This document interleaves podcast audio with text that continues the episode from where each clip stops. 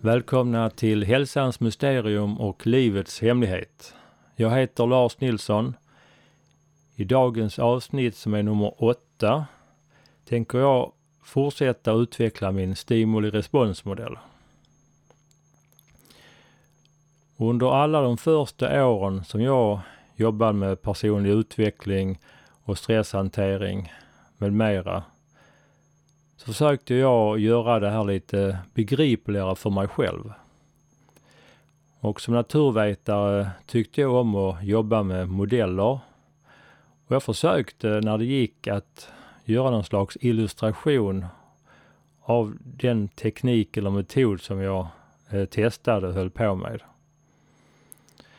Jag vet att en del inte gillar modeller, men jag tror att eh, den här kan hjälpa andra precis som den har hjälpt mig.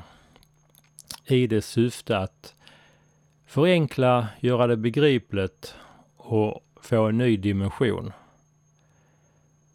För att när man börjar jobba med de här frågorna som den här podcasten handlar om så behöver man inputs från olika håll och på olika sätt tills poletten ramlar ner. Och den här modellen jag ska gå igenom har hjälpt mig mycket. Så jag hoppas den kommer att hjälpa många av er som lyssnar också. Min stora utmaning, det blir ju att illustrera bilderna i podcast. Därför gör jag så här att eh, när jag har gjort den här eh, podcastinspelningen så kommer jag lägga den här ljudfilen i ett eh, filmprogram och lägga in bilderna. Så att de bilder jag nu sitter och pratar om som jag brukar ha på mina föreläsningar. Eh, så ni kan se dem. Så att eh, jag kommer försöka lägga ut det på Youtube. Så att eh, mitt tips är att via länken på min hemsida amixe.se om ni har möjlighet se bilderna samtidigt. Jag tror det ger mer. Men jag ska försöka så gott det går att Eh, berätta mig igenom de här 20-talet bilder. Ibland har jag reflekterat över det här att vad är egentligen svårt? Svårt är det egentligen bara när man inte har lärt sig någonting. Därför är det ju många som menar på att ord som svårt och går inte kanske man ska undvika. För det skapar en mental spärr. När man har lärt sig cykla så är det ju inte svårt längre. När man lärt sig jonglera med några bollar så är inte det heller svårt längre. På samma sätt har jag tänkt över detta, den här modellen jag nu ska prata om. För den är ju en modell av livet. Och det är inte heller så svårt eh, som det har landat hos mig när man ser helheten som jag hoppas eh, blir tydlig för er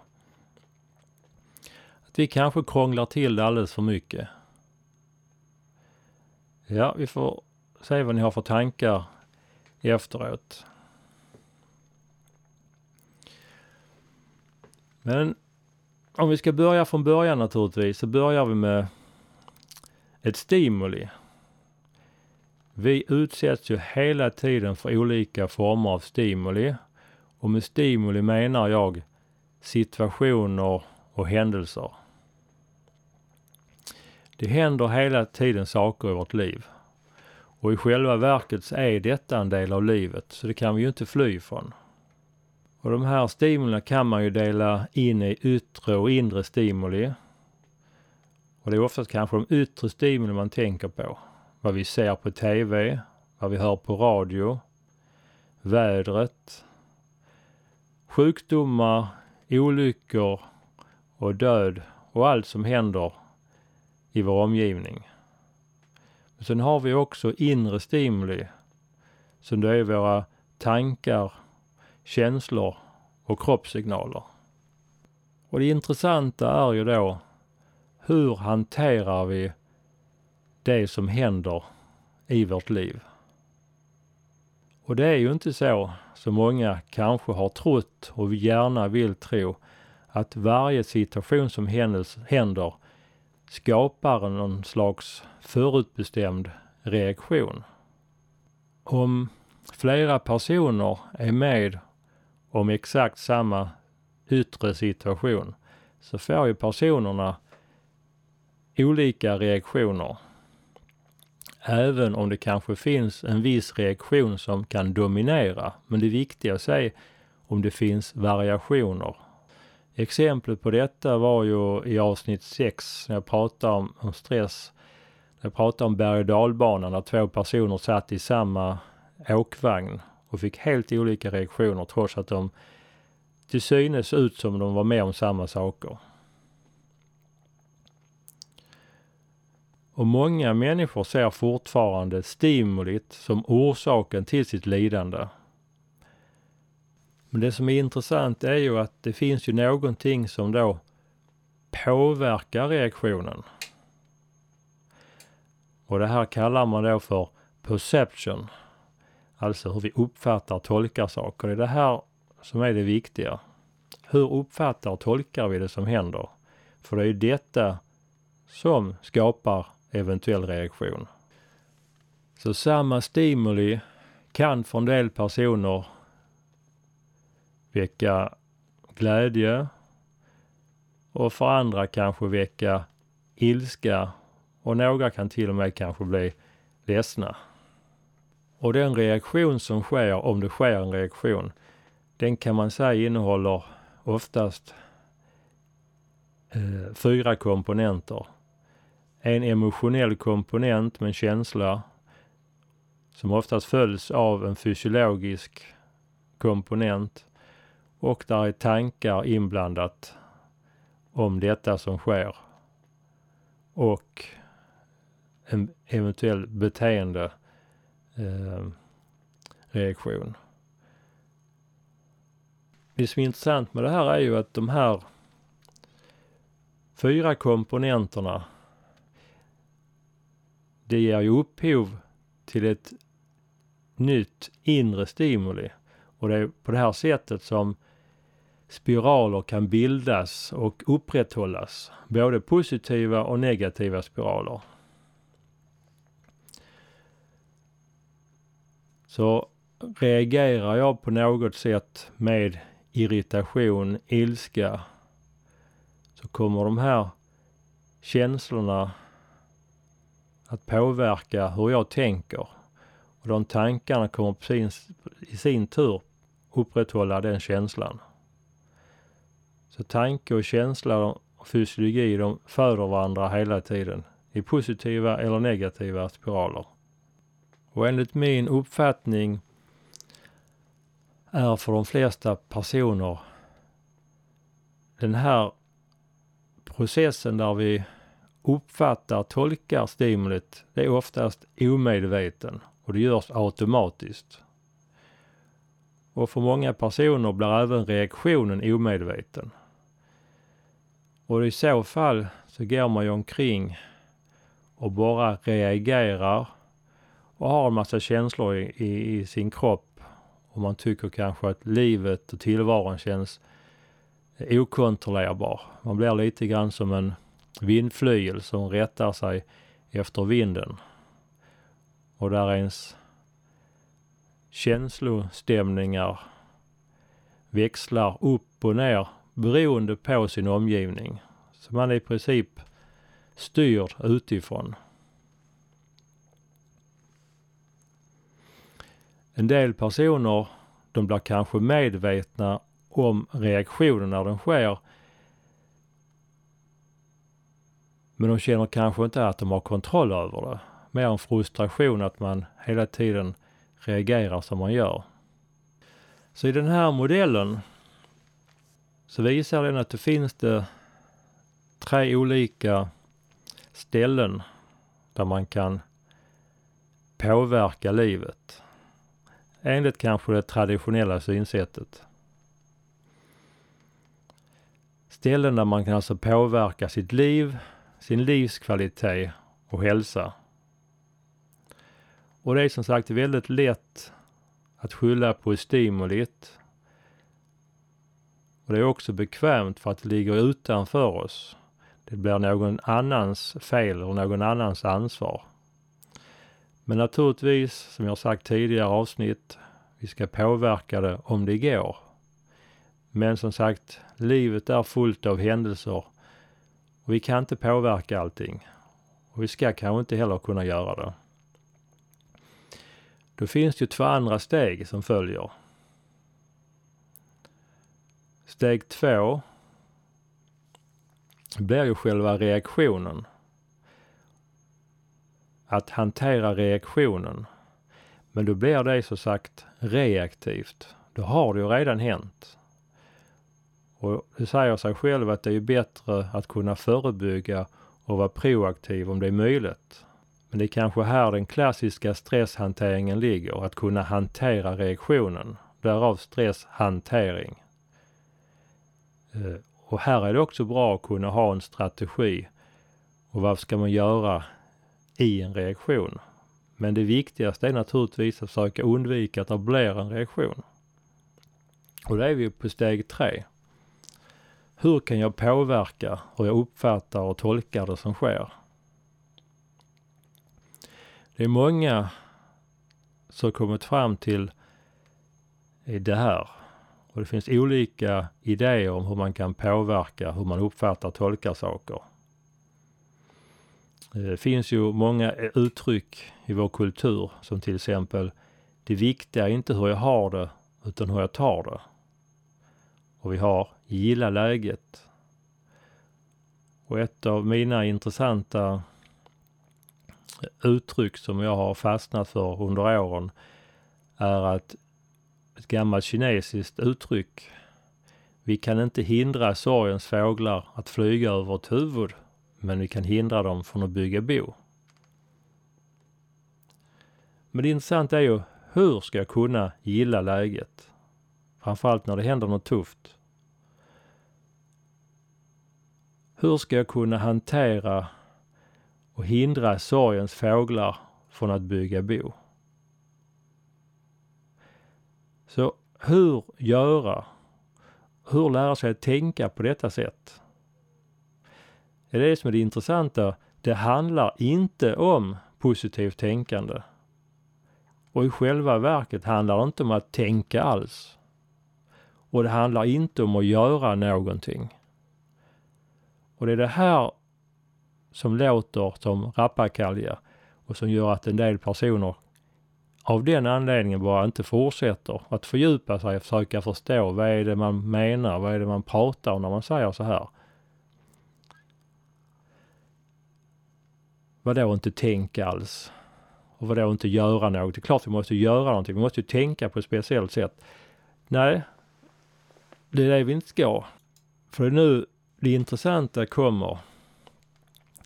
Det finns nämligen ett fjärde steg som inte alla känner till och som av någon konstig anledning inte pratar så mycket om. Men det är just det här nya vägen, steg fyra, som är mycket av det centrala i den här, hela min podcast, när det gäller livets hemlighet och hälsans mysterium som hänger ihop. Många mästare genom tiderna har pekat på den här vägen som ett sätt ut ur lidandet. Och man har försökt få människorna att förstå att det finns alternativ, det finns andra vägar. En del har hoppat på dem en del har inte trott på dem och av den anledningen inte försökt. Ett sätt att få människor att förstå att det finns något djupare, det finns en annan väg att ta, har varit olika former av uttryck och berättelser för att väcka någonting inom oss. Något som vill få oss att tro på någonting annat, att vilja gå vidare. En sån berättelse som jag har tagit en gång tidigare som jag väljer att ta igen. Just för att jag tycker den väcker ett djup inom oss. Väcker tankar och funderingar. Och det är berättelsen om örnägget. En man fann ett örnägg och lade det under en ruvande höna. Örnungen kröp upp ur ägget samtidigt som kycklingarna och växte upp tillsammans med dem. Han härmade deras pipande och kacklande. Han sprätte i jorden efter mask. Han flaxade med vingarna precis som hönorna och lyckades ibland lyfta några meter över marken. Precis som en höna. Åren gick. En dag såg örnen, som nu hade blivit gammal, en ståtlig fågel i skyn. Med knappt skönjbara rörelser och med sina gyllene vingar gled den behagsfullt i majestätisk flykt i den starka vinden. Vem är det? frågade örnen full av beundran. Det är örnen, fåglarnas konung, fick han till svars av hönorna som stod bredvid. Han tillhör himlen, men vi höns, vi tillhör jorden. Så örnen levde och dog som en höna, för det var det han trodde sig vara. Och den pekar just på det här. Tänk vad sorgligt att kunna leva på ett sätt som man inte behöver göra. Nu kan man naturligtvis vända och vrida på alla sådana här berättelser. Naturligtvis kan man ifrågasätta vad är det för fel att leva som en höna. Ja, för en höna är det inte fel att leva på en höna, för hönan är ju en höna. Men potentialen här finns. Alltså tänk om vi är örnar allihopa. Som har en potential att komma ifrån lidandet. Och det är just det som det finns och som många har pekat på. Vad är det då man pekar på? Det handlar om att lära sig att hantera sin uppmärksamhet på ett sätt som vi inte är vana vid. Vi ska vara uppmärksamma och närvarande, vilket vi oftast inte är och inte har tränat oss i att vara. Det här är en något vi har inom oss att kunna göra. Men i vår tid har vi inte i vår kultur lärt oss detta från liten. Och eftersom inte våra föräldrar gör det så får inte barnen det med sig i kulturen heller. Utan då får man ju som vuxen lära sig detta nya sätt att förhålla sig, vara uppmärksam och närvarande. Så det handlar alltså om att kliva in i det enda som egentligen finns har alltid funnits, alltid kommer att finnas. Det är nuet och varandet. Det inre lugnet. Och många av kommande avsnitt kommer handla om just detta. Men det behövs flera olika exempel för att det ska fastna och få grepp om det. Därför ska vi också snart göra, i kommande avsnitt, göra övningar så vi kan få verkligen komma in i det och, och praktiskt börja tillämpa det. Så även om det verkar vara någonting nytt så är det egentligen inte det. Utan det är det mest naturliga egentligen för oss människor. Så det handlar om att bli medveten. Till skillnad från omedveten. Och de som i böcker och uttalande pratar om detta så använder de ibland uttrycket att vakna. Och att vakna i betydelsen att bli medveten. Bli medveten om våra tankar, känslor, beteende, vår kropp och vår omgivning. För menar man då att en omedveten människa lever i en dröm, sovande. Hela livet är en, en dröm. Vi vaknar och går till jobbet trots vi sover. Och vi vill inte bli väckt, för många av oss lever i en trevlig dröm. Medan några har en mardröm.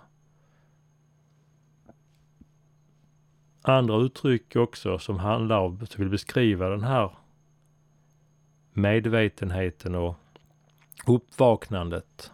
Den här uppmärksamma närvaron eh, är uttryck som att man ska se med andra ögon. Och här är ju ett uttalande citat som på engelska är The real voyage of discovery consists not in seeking new lands but in seeing with new eyes. Så den stora utmaningen och upptäckten består alltså inte att se nya länder, komma till nya saker, utan att lära sig se med nya ögon. Så det handlar om att tvätta sina ögon. Ibland pratar man också att se med barnens oskyldiga ögon. Utan den vuxnes värderingar, attityder, åsikter. Utan ego. Men om man nu har lärt sig att ha den här speciella formen av uppmärksamhet. Att vara i nuet. Där man bara ser saker som händer som de är, utan etiketter. Ja, vad händer då när vi utsätts för ett stimuli? När vi ser, hör eller är med om någonting? Ja, det är ju det som är det intressanta. Då händer ingenting. Mer än att vi är naturligtvis uppmärksamma om det som sker. Och ser på det utan värderingar och etiketter. Men utan de här automatiska tankarna. Utan vi tar det för vad det är. Och där finns också ett eh, gammalt uttryck eh, som på engelska är If moment by moment you can keep your mind clear then nothing will confuse you. Så alltså om vi varenda stund, varenda ögonblick kan hålla vårt sinne klart så kommer ingenting att rubba oss eller eh, förvirra dig. Och det är precis de här, vad de här pekar på, att man ska vara kvar i nuet. För genom att vara i nuet och uppmärksam, då reagerar vi inte. Utan då kan vi, efter vi har uppmärksammat det som har skett, eh, fundera och reflektera med ett lugnt och klart sinne. Eh, se på situationen och kunna göra det som är det viktiga, att kunna välja hur vi ska gå vidare. Välja hur vi ska, om vi ska göra någonting eller inte. Och om man i det här läget utifrån ett lugnt sinne väljer att göra någonting, då kallar jag det agera som motsatsen till reagera. Och då reagerar man inte i onödan. En reaktion är oftast omedveten. Medan ett agerande ska vara medvetet. Och enligt den här modellen så visar den också, tycker jag, en av riktningarna med den personliga utvecklingen. Att utvecklas som människa för mig, ett sätt att uttrycka det, det är alltså att bli mer och mer agerande och mindre och mindre reagerande. Så det handlar alltså om att bli en vaken människa som lever mer och mer medveten om både sig själv och omgivningen. Och att inte blunda för någonting. Och att sen när man ser någonting så ska man ha modet och våga agera medvetet. Så det är viktigt att förstå den här skillnaden mellan att agera medvetet eller att reagera omedvetet. Sen kan det ibland bli så att det man gör i handling kan vara densamma i båda situationerna. Men det är med medvetenheten som har en, en vikt, en tyngd. Och man slipper framförallt de här onödiga reaktionerna och reaktionerna som man ångrar i efterhand.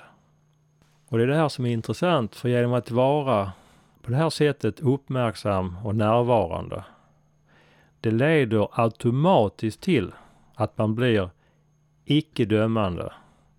Att man inte låter sorgens fåglar bygga bo. Att man kan hantera det som händer.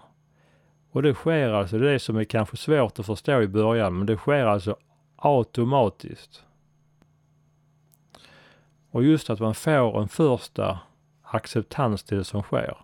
Så att man utifrån det här lugna och balanserade sinnet kan använda och ha tillgång till sin kreativitet och intelligens. Och tillsammans med de båda eh, välja utifrån situationen och sina värderingar hur man ska gå vidare eller inte. När saker händer i våra liv får vi alltid flera chanser att hantera detta. Man kan säga att första chansen det uppstår när vi möter själva stimulit första gången direkt. Om vi i detta första läge kan möta denna händelse i acceptans så skapar vi inga obearbetade reaktioner som kommer hamna i vår ryggsäck eller smärtkropp som det ibland kallas. Men om vi ej kan acceptera eller förhålla oss neutrala och vara enbart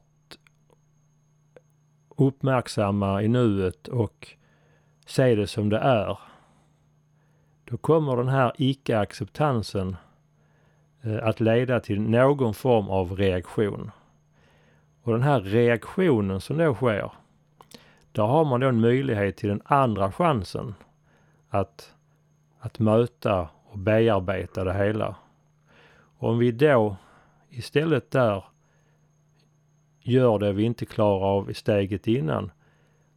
Utan att vi möter utan att värdera eller fly från våra känslor, eh, vår reaktion.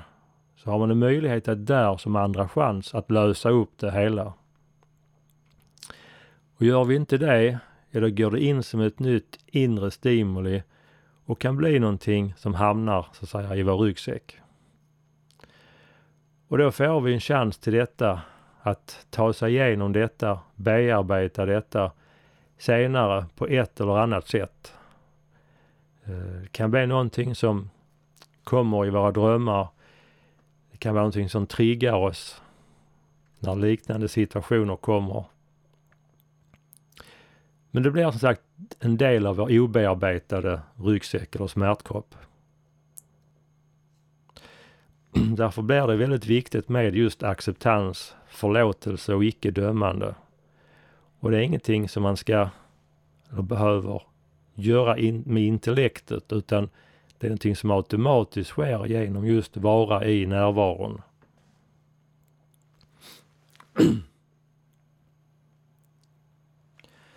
Så jag kommer under kommande avsnitt prata om alla de här fyra stegen eh, även om det viktigaste fokuset är det som jag pratar om här, steg fyra, om uppmärksam närvaro. Och det finns det olika vägar att komma dit. En väg kan benämnas som den direkta vägen. Men min åsikt är att den passar inte alla och jag tror att det är svårare också att ta det i en sån här podcastserie. Det får man nog ta live så att säga. Uh, så jag tar en mer indirekt väg.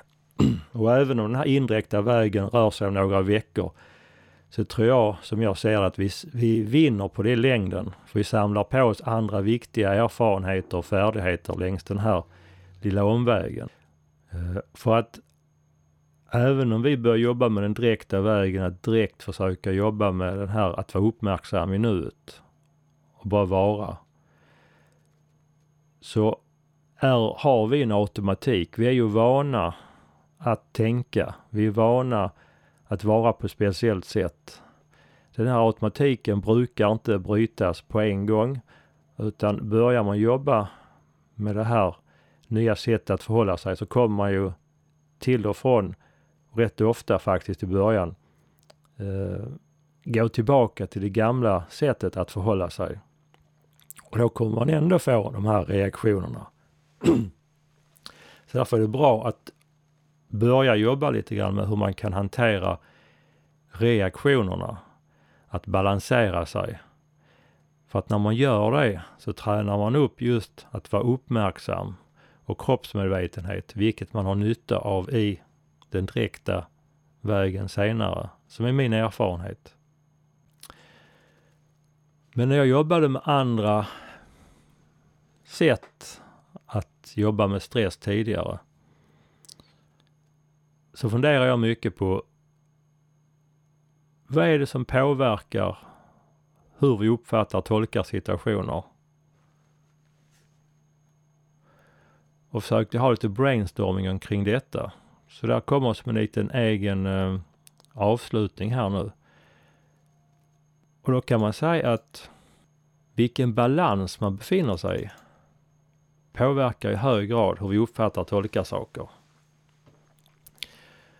Jag har tagit eh, exempel på det tidigare men tänk själva att om ni vaknar utvilade en morgon, är i bra balans, då är det väldigt lätt att kunna stå emot någonting som händer. Men om man däremot är, har sovit dåligt, är trött och är lätt irriterad, då behövs det inte så mycket. Så balans är ett bra ord att jobba efter när det gäller sin hälsa. Och eh, det som är bra med balanstänket det är att då kan man få in livsstil i detta också. Hur vår livsstil eh, påverkar balansen. Och jag tänkte nämna de kanske tre viktigaste aspekterna där vi kan påverka att vi är i balans. Och det första är vår sömn. Det är jätteviktigt att vi får vår sömn så vi är utvilade och kan möta dagens utmaningar. Och det andra är konditionen. Även om jag anser kanske att det viktigaste är att träna sin uppmärksamhet och närvaro för att få hög livskvalitet. Så är det naturligtvis jätteviktigt att också träna sin kropp fysiskt. Och där kan man ju träna sin kropp både med avseende på kondition, styrka, rörelse, smidighet och balans. Men av dessa fyra så är konditionen Eh, i första hand det viktigaste. Har man dålig kondition på sitt jobb så kanske man inte är så fräsch, eh, har så mycket ork sista timmen man har dålig kondition. Eller så orkar man precis göra sitt jobb och sen när man kommer hem så orkar man inte mer. Det kan ju bero på för dålig kondition. Men det kan också bero på mental stress. Att man mentalt inte kan hantera det som händer. Och att man är mer psykiskt trött än fysiskt trött när man kommer hem. Så man behöver jobba med båda sakerna naturligtvis. Och sen det tredje, det är naturligtvis mat och kost. Vissa personer är ju mer känsliga än andra för lågt blodsocker.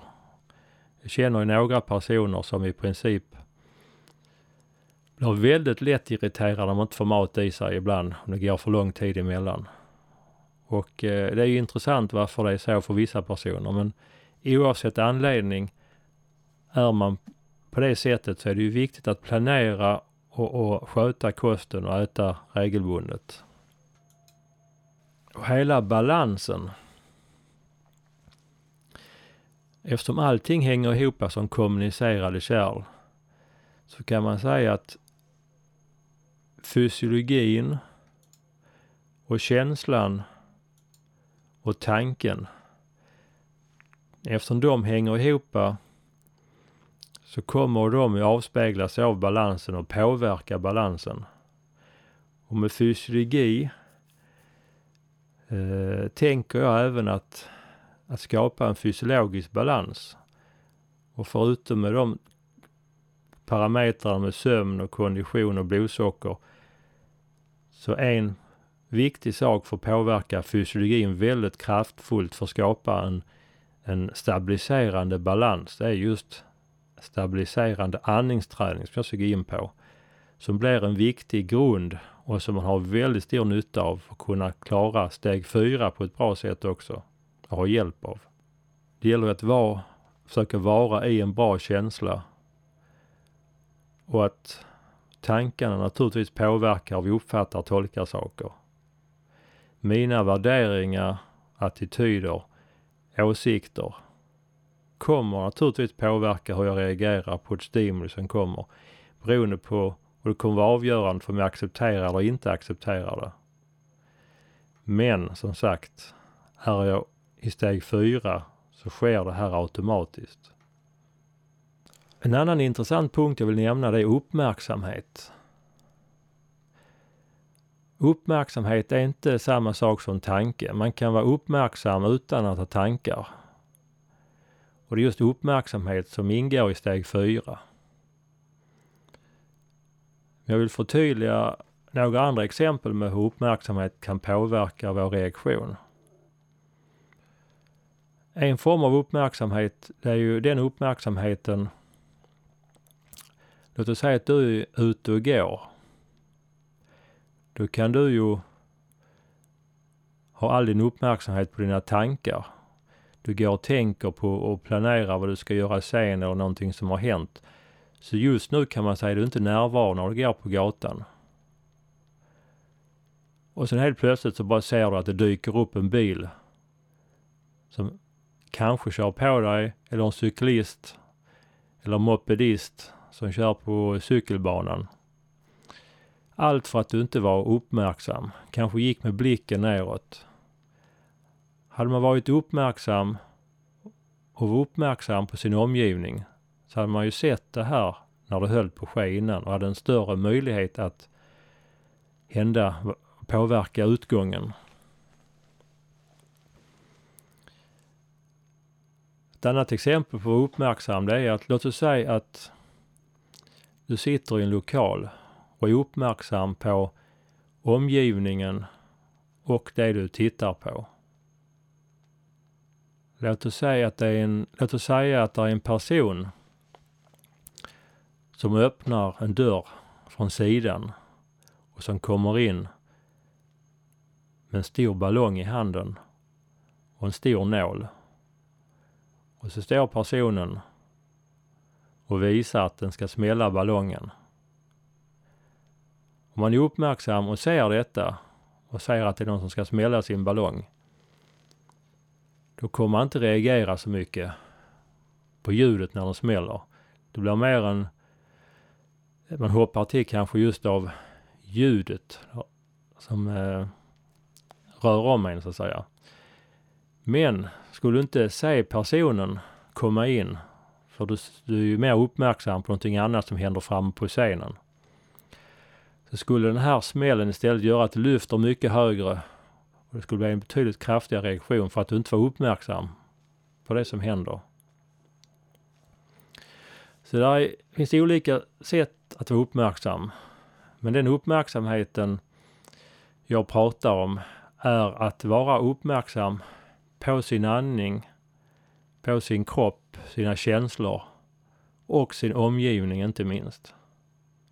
Och detta kan man vara samtidigt som man gör någonting annat.